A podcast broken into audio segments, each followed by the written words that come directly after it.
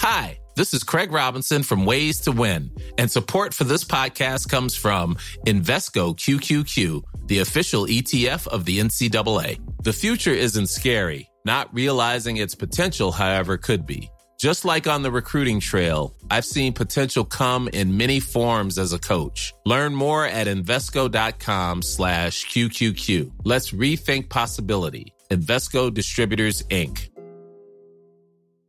Burrow's furniture is built for the way you live. From ensuring easy assembly and disassembly to honoring highly requested new colors for their award-winning seating, they always have their customers in mind. Their modular seating is made out of durable materials to last and grow with you. And with Burrow, you always get fast, free shipping. Get up to 60% off during Burrow's Memorial Day sale at burrow.com slash ACAST. That's burrow.com slash ACAST. burrow.com slash ACAST. Hey, I'm Ryan Reynolds. Recently, I asked Mint Mobile's legal team if big wireless companies are allowed to raise prices due to inflation. They said yes. And then when I asked if raising prices technically violates those onerous two-year contracts, they said, what the f*** are you talking about, you insane Hollywood ass?" So to recap, we're cutting the price of Mint Unlimited from $30 a month to just $15 a month. Give it a try at mintmobile.com slash switch. $45 upfront for three months plus taxes and fees. Promo rate for new customers for limited time. Unlimited more than 40 gigabytes per month. Slows. Full terms at mintmobile.com.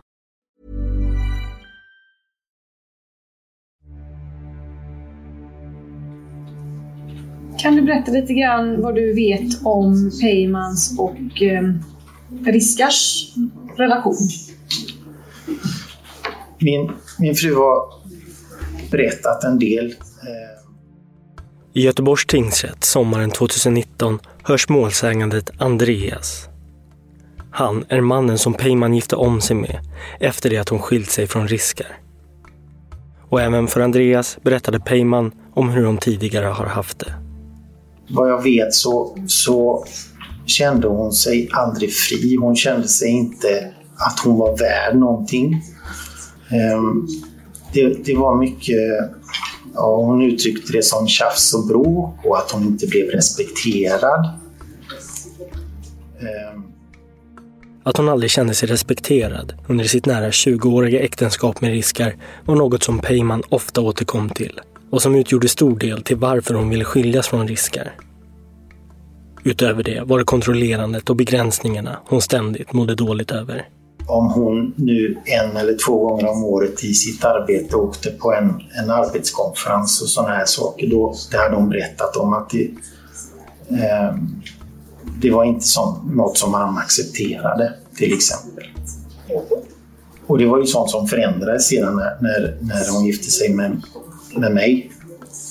Eh, för hon var också mån om att bygga upp eh, ett socialt nätverk. Det hade inte hon gjort eller kunnat göra tidigare. Det är med djup sorg Andreas berättar om sitt liv med Peyman. Det var en kort men lycklig tid de delade tillsammans. Och han såg till att Peyman för första gången i sitt liv kunde känna sig både fri och respekterad. Men det här förhållandet slutade på värsta tänkbara sätt. Peyman mördades på grund av valen hon gjort. Och Andreas tvingas idag bearbeta sin sorg på hemlig ort och med skyddad identitet, då det vilar ett hot över honom. Du lyssnar på Rättegångspodden och på del två av tre om hedersmordet i Mölnlycke. Mitt namn är Nils Bergman.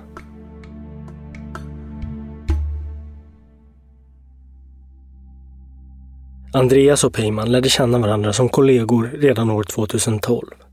Men efter att ha hamnat på olika avdelningar stöter de inte på varandra särskilt ofta.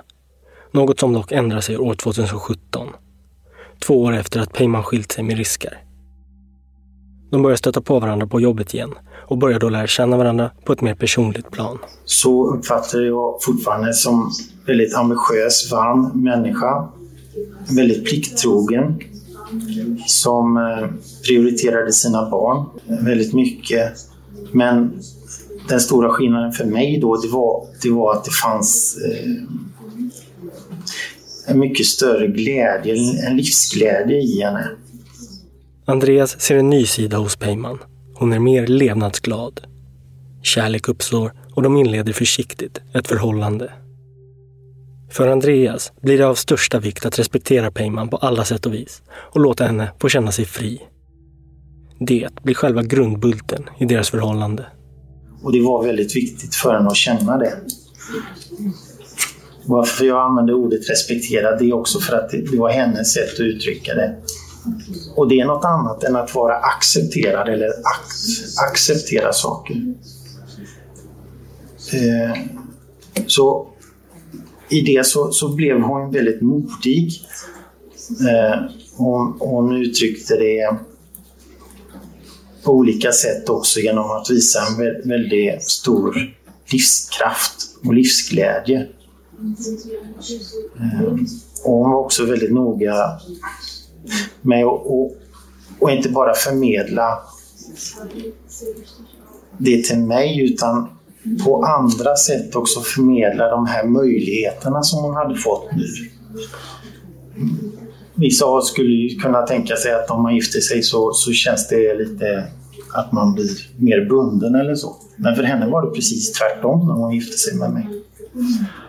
Eh, och och hon, hon, kände att hon fick eh, och kunde ta ansvar över sitt egna liv. Och det var hennes val. Eh, att äntligen vara, vara fri som människa och, och som kvinna. Ju längre in i förhållandet de kommer, desto mer öppnar hon upp sig om hur hennes tidigare relation med Riskar varit. Okej. Okay. Um, har Peyman berättat om någon form av hot eller våld från Riskers sida?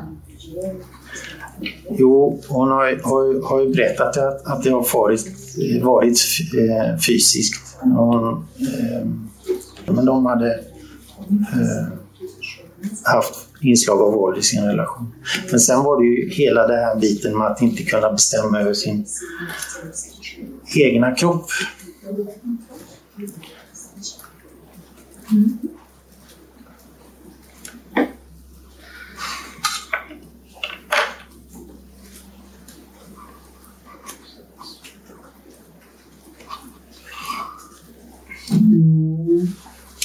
Vi kan förstå också hur jobbigt det är givetvis utifrån din synvinkel det här. Va? Men eh, så är det ibland. Ja. Hur, hur, kränkt, förlåt, hur kränkt hon hade känt sig under hela den relationen. Och det, och det uttryckte hon för dig?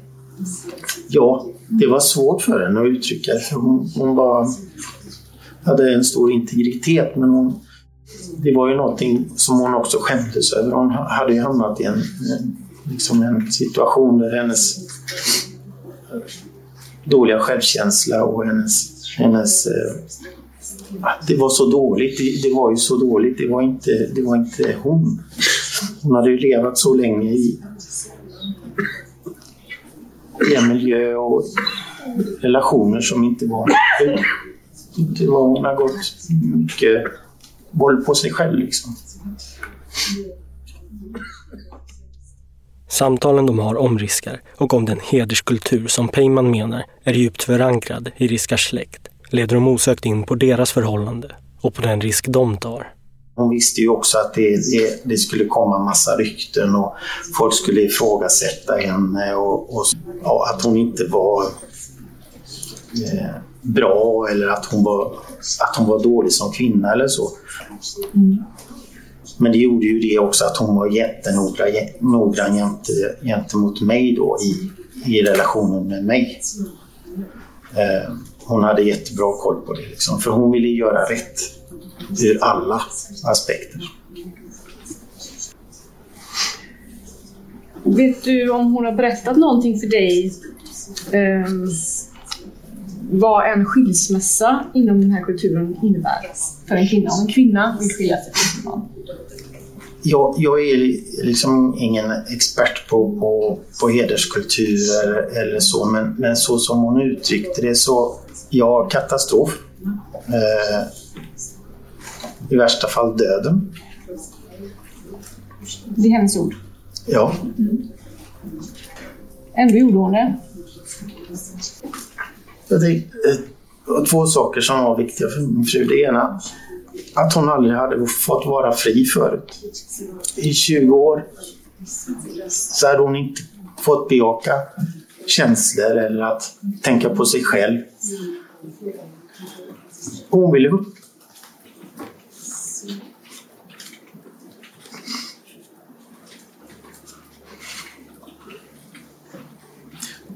Hon ville uppleva livet.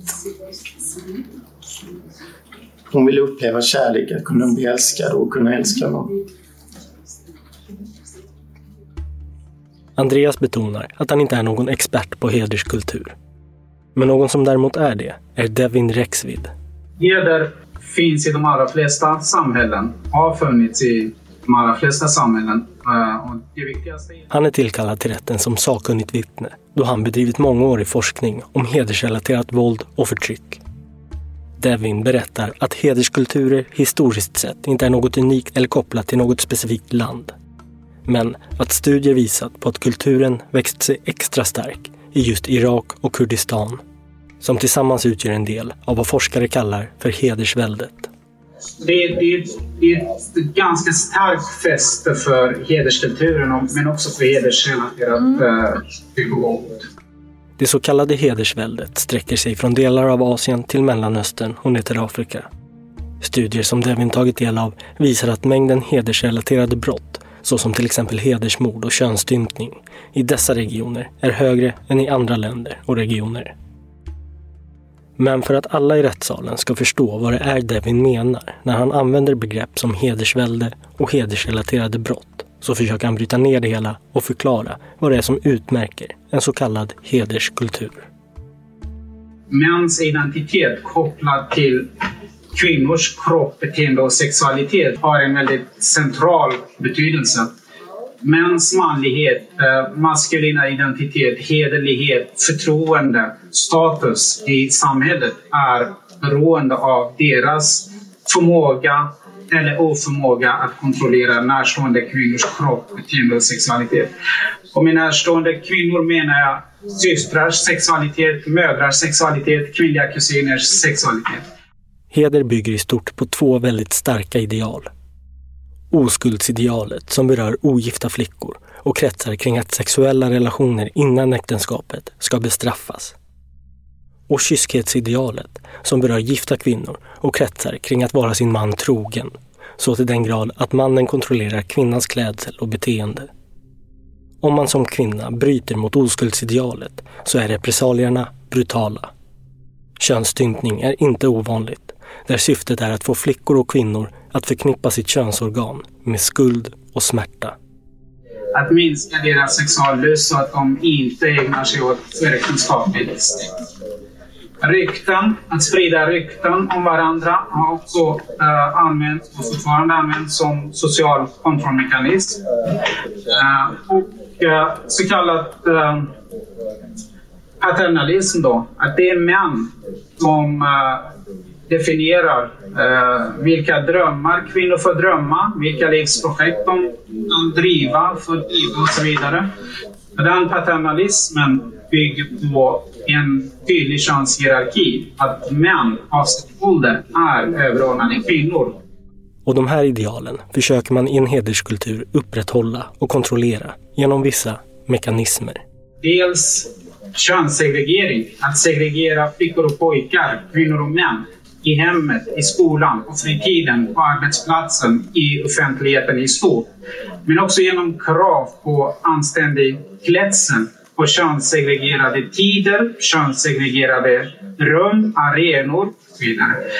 Eh, sen eh, har man också praktiserat eh, barnäktenskap, tvångsäktenskap och det är den äktenskapstradition som favoriseras extra mycket i hederskulturen.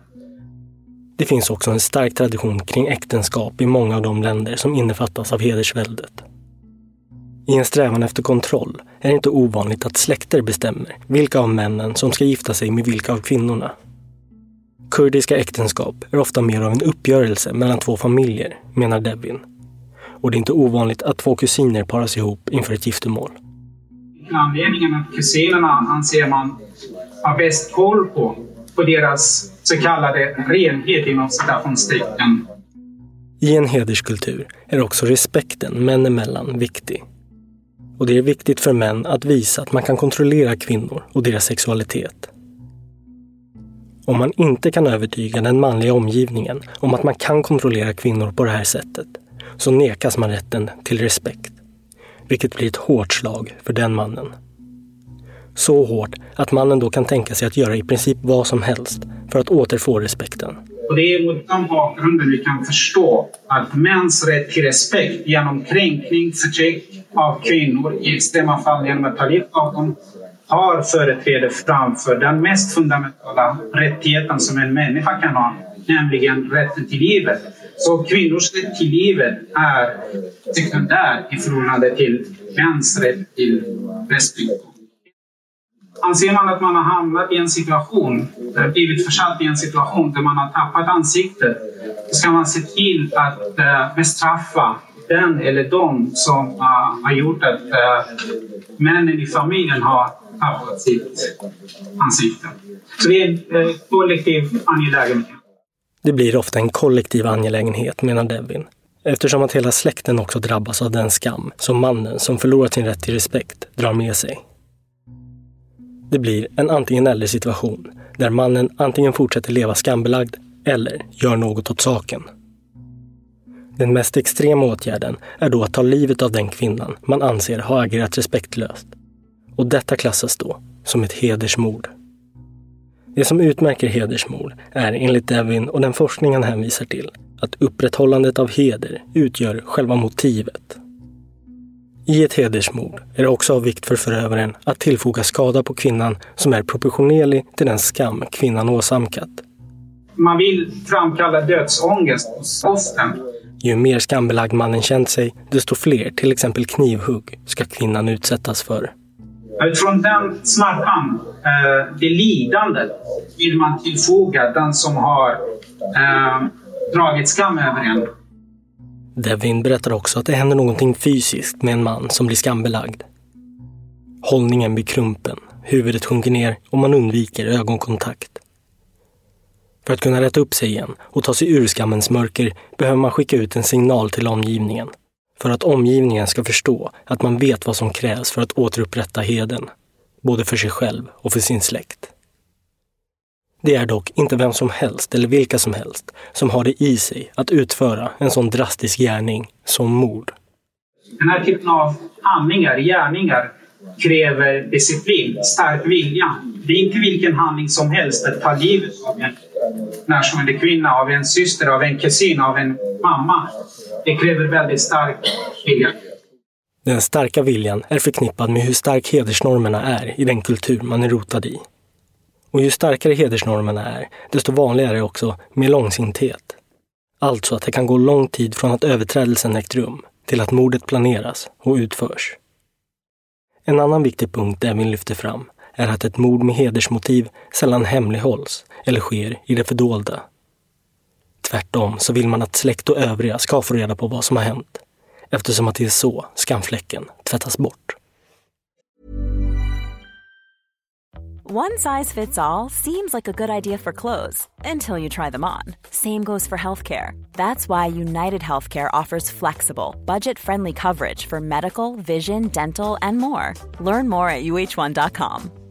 Burrow is a furniture company known for timeless design and thoughtful construction and free shipping, and that extends to their outdoor collection. Their outdoor furniture is built to withstand the elements, featuring rust-proof stainless steel hardware, weather-ready teak, and quick-dry foam cushions. For Memorial Day, get 15% off your Burrow purchase at burrow.com slash ACAST and up to 25% off outdoor. That's up to 25% off outdoor furniture at burrow.com slash ACAST. Everyone knows therapy is great for solving problems, but getting therapy has its own problems too, like finding the right therapist, fitting into their schedule, and of course, the cost. Well, BetterHelp can solve those problems. It's totally online and built around your schedule.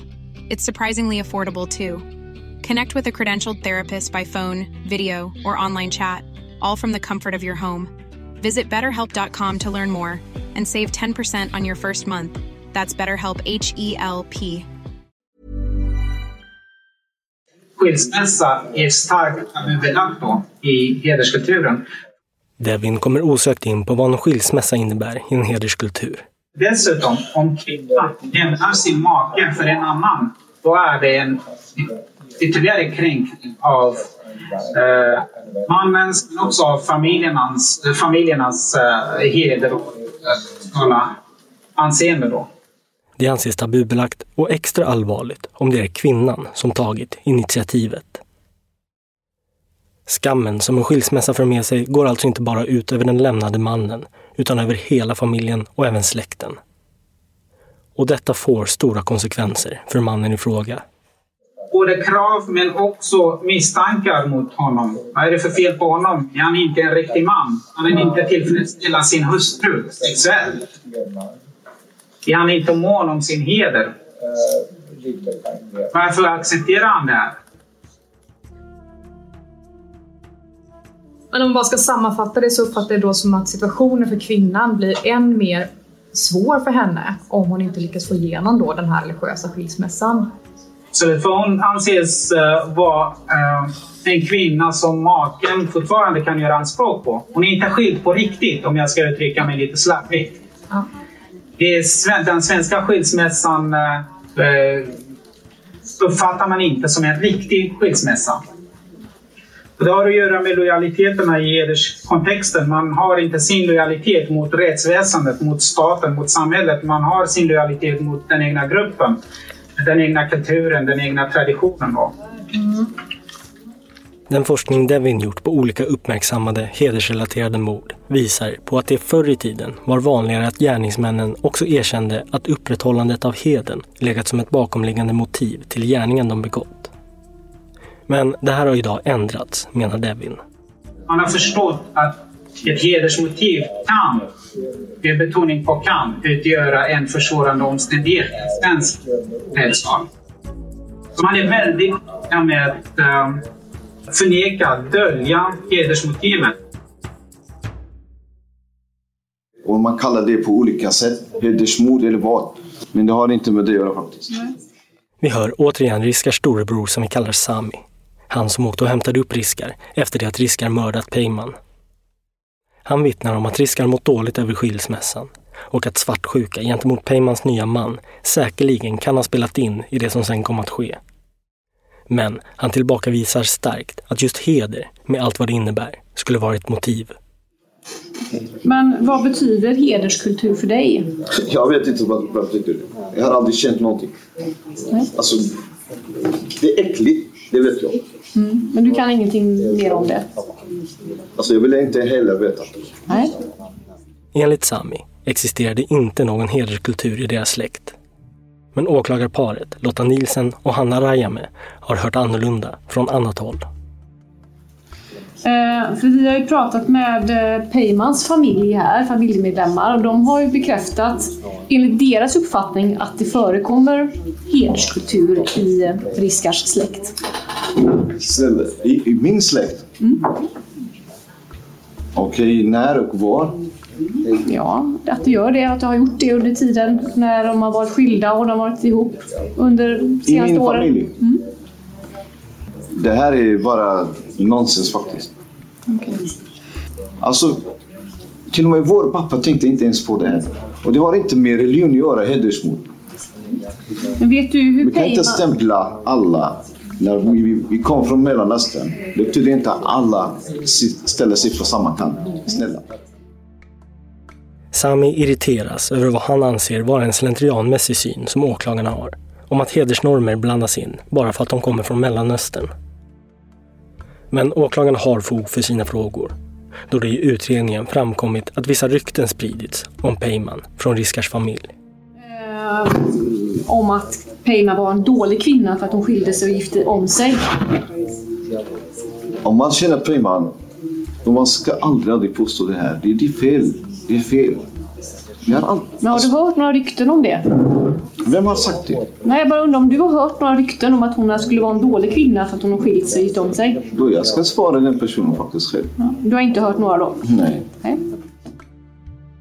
Du, eh, det finns ju en, vi har hittat en chatt där du... En annan angelägenhet som åklagarna vill få klarhet kring är den chattkonversation som Riskars syskon haft med varandra. Riskar var själv inte delaktig i konversationen, men däremot pratas det mycket om honom och om det problem som tycks ha uppstått. Vi har ett stort problem, vi måste prata ihop oss på ett smart sätt. Vi måste prata med Riskar. Vad är, vad är det som... Vad, vad handlar det om? Jag tror det var när, när det var någon bröllop där i Tyskland. Då, jag tror han ringer dit och pratar med någon där. Och sen samtidigt... Chattkonversationen, som påbörjas i augusti 2018, kretsar alltså kring att lösa ett problem. Och problemet tycks ha att göra med att Riskar fortfarande mår dåligt över skilsmässan och att detta går ut över Riskar och Peymans gemensamma barn. Den ena av Riskars fyra systrar, som vi kan kalla för Nasrin, skriver att Riskar måste börja ta papparollen. Annars kommer socialen att hämta barnen.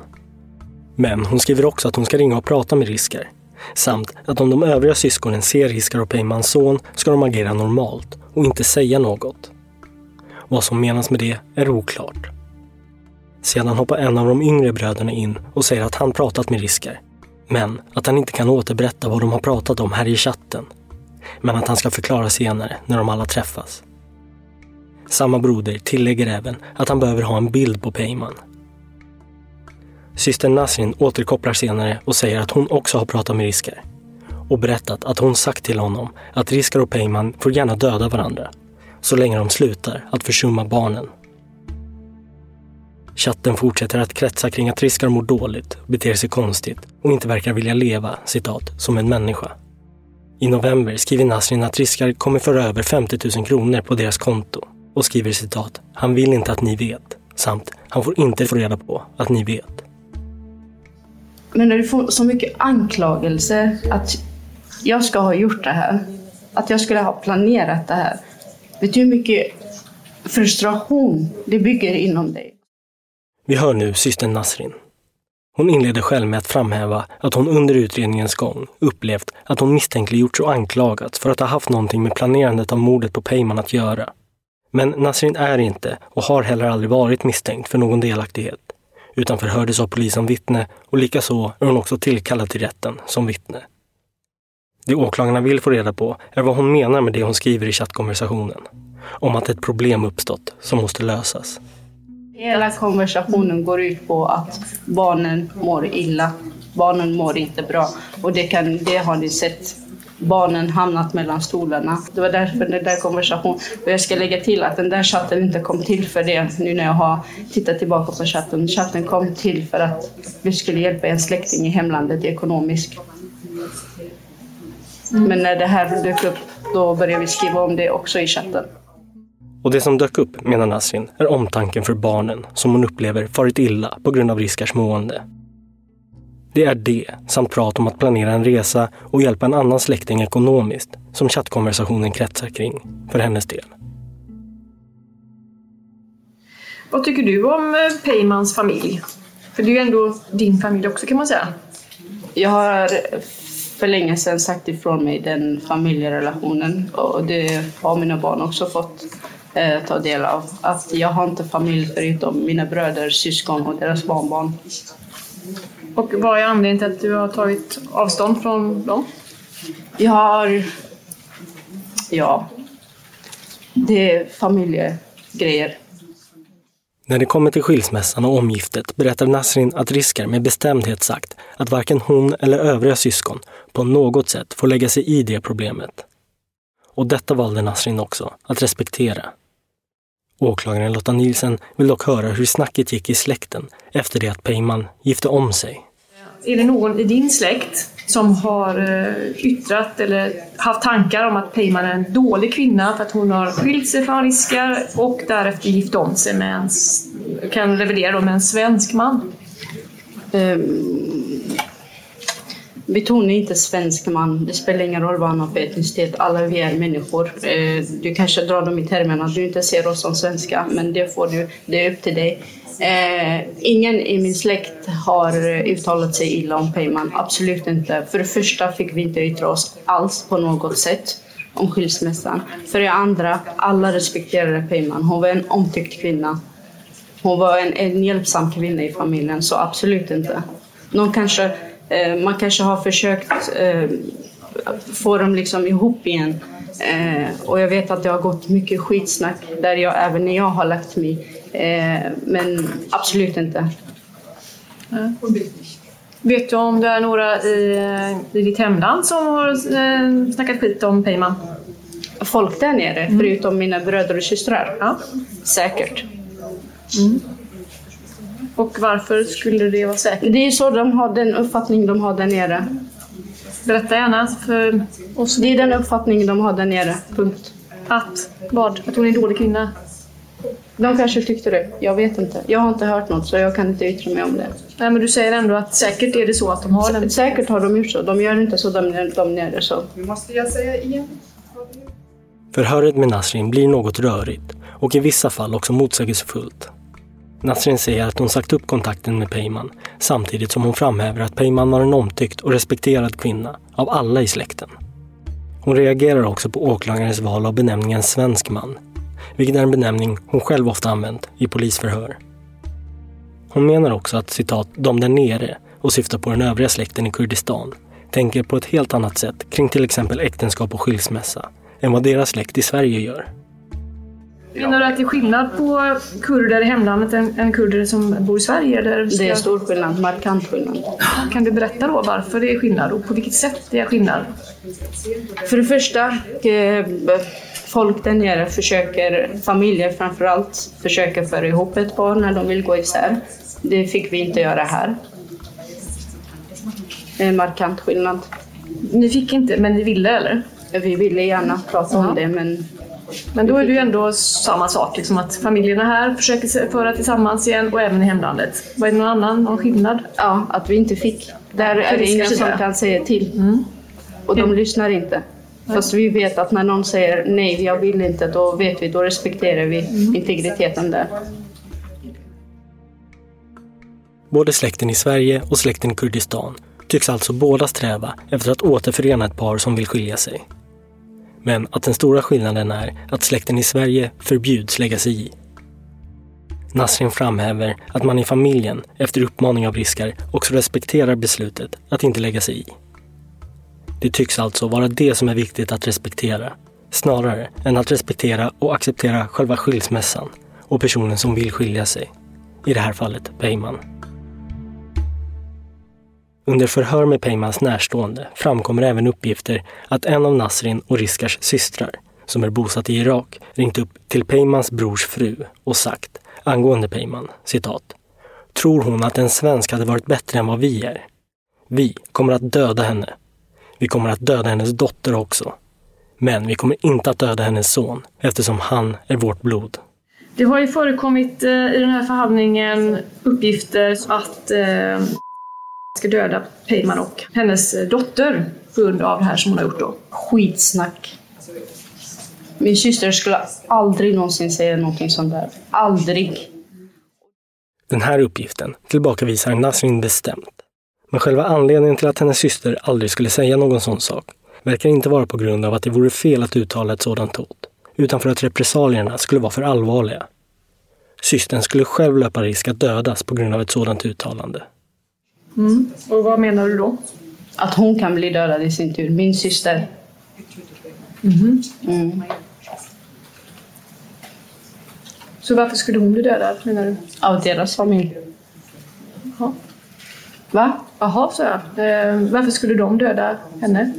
Kanske för att förebygga att inte någon annan dör. Vad vet jag?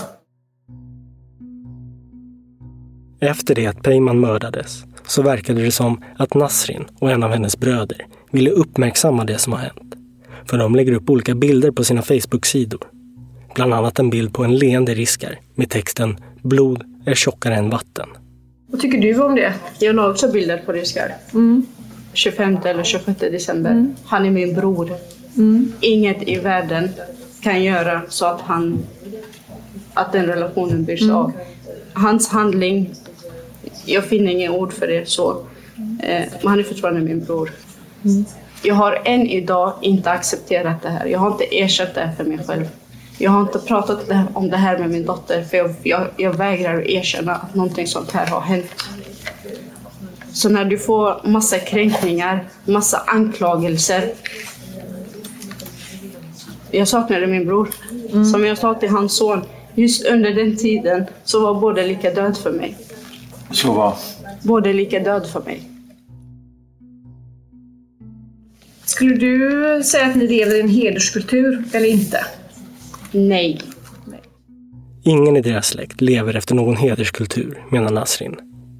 Och enligt henne och övriga i släkten är det helt okej att gifta sig med vem man vill. Men det här stämmer inte med vad Nasrin tidigare uppgett i förhör, enligt åklagaren Hanna Rajame, som tar över utfrågningen. Och det är så att jag, jag har ju läst ditt förhör och du har, sagt, du har svarat lite annorlunda på Ja, jag ser det än idag. Jag har sagt det där jag jobbar också. Jag, det är inte så att jag går och presenterar vem som helst för min dotter. Gärna, det ska vara en kurd. Helst. Man kommer hon med en annan, en annan etnicitet, en annan religion, bakgrund, you name it, hudfärg, vad som helst. Min dotters kärlek, hennes lycka går före allt annat. Jag vet att i hederskulturen så är det mycket vad folk tycker och tänker, vad de säger om mig. Men i min värld så är det min dotters lycka som går före allt annat. Och hennes respekt framför allt, Ja. integritet. Jag hör vad du säger. Men jag skulle faktiskt vilja läsa upp det som du har sagt. Absolut. För det är inte riktigt så du säger idag nämligen. Jo, det är det. Ja, jag uppfattar inte det, men jag kanske kan läsa det som, som du har sagt där. Då, så. Ja. Och då, är frågan, då, då ställer man en fråga då till dig eh, som är så här. Vi har uppgifter om att personer i din släkt efter skilsmässan har pratat om att Peyman var en dålig kvinna eftersom hon gifte om sig. Är det, någonting, eh, är det något du känner till? Och då har du svarat så här, i alla fall i förhöret då. Ni ska ha klart för er att det är en hederskultur vi lever i. Det finns säkert tusen släktingar som har åsikter. Det är bara så det är, det kommer vi inte ifrån. Hederskulturen säger att vi inte ska gifta oss med svenskar. Precis, den säger så. Ja, men det stämmer det som du har sagt. För jag tyckte inte riktigt, jag fick inte den uppfattningen nu när du... Jag har precis beskrivit, du ser släktingar, mina släktingar som ni beskriver, det är mina bröder och syskon. Men sen pratar ni om Kurdistan, för här har vi sett att vi har inte, vi har inte fått yttra oss på något sätt.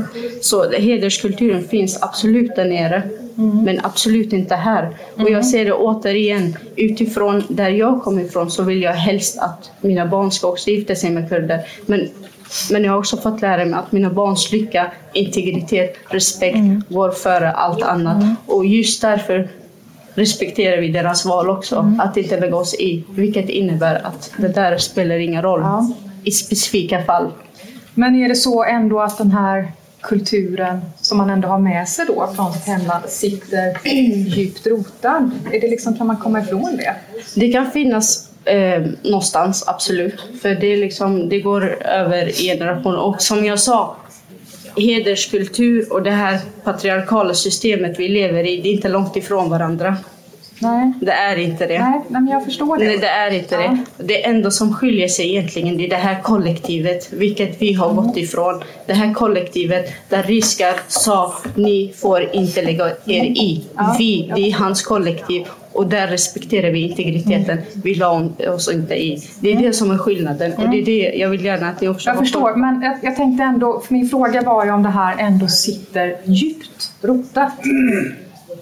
Även om det är så att, det, jag förstår ju också att det sker förändringar om man lämnar sitt hemland och det är också att det sker förändringar efter varje generation. Men hur sitter det här i en? Sitter det djupt rotat? Frågan är om släktingar pratar om Peyman och det är det jag syftar på, att det finns ett hederskultur där.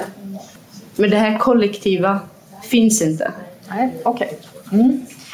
Men är det så ändå att du vet om det är folk då i hemlandet som tyckte att det var dåligt av Peyman eller fel av Peyman att gifta sig med en svensk man?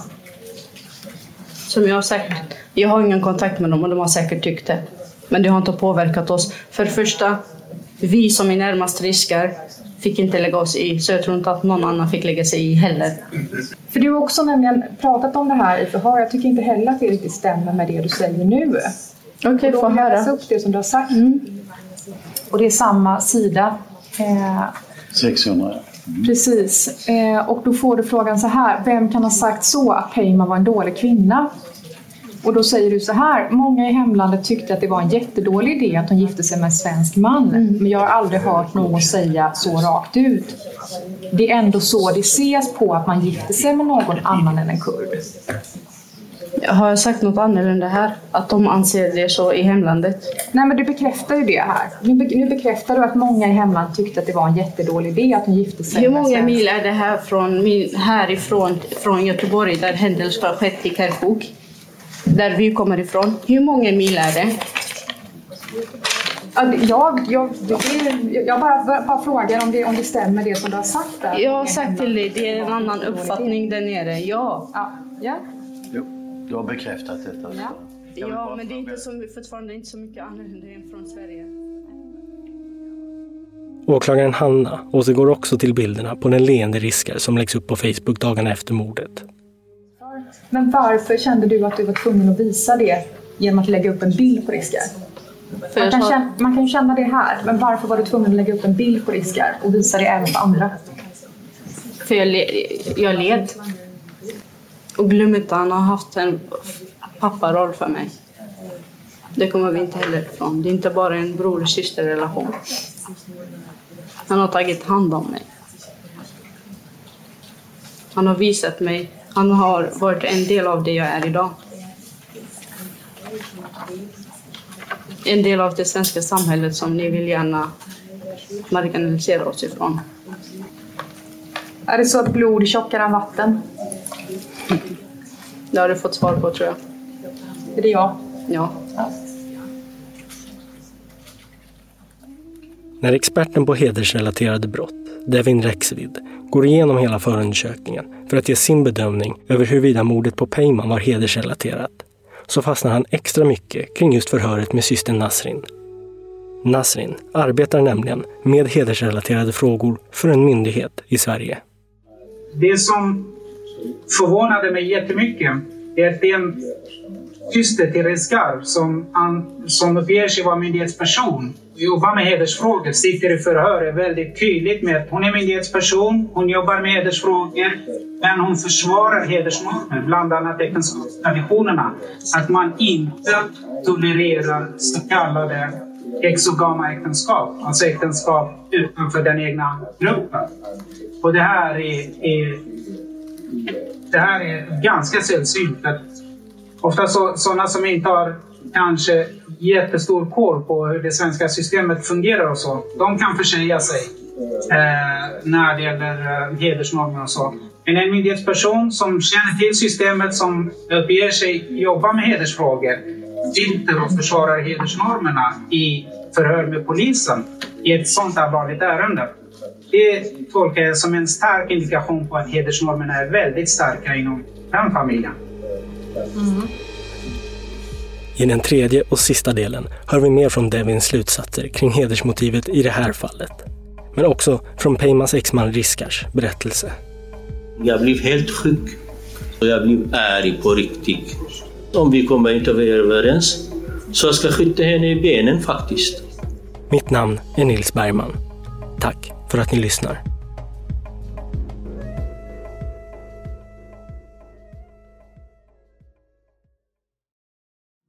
Rättegångspodden är en Tall Tale produktion.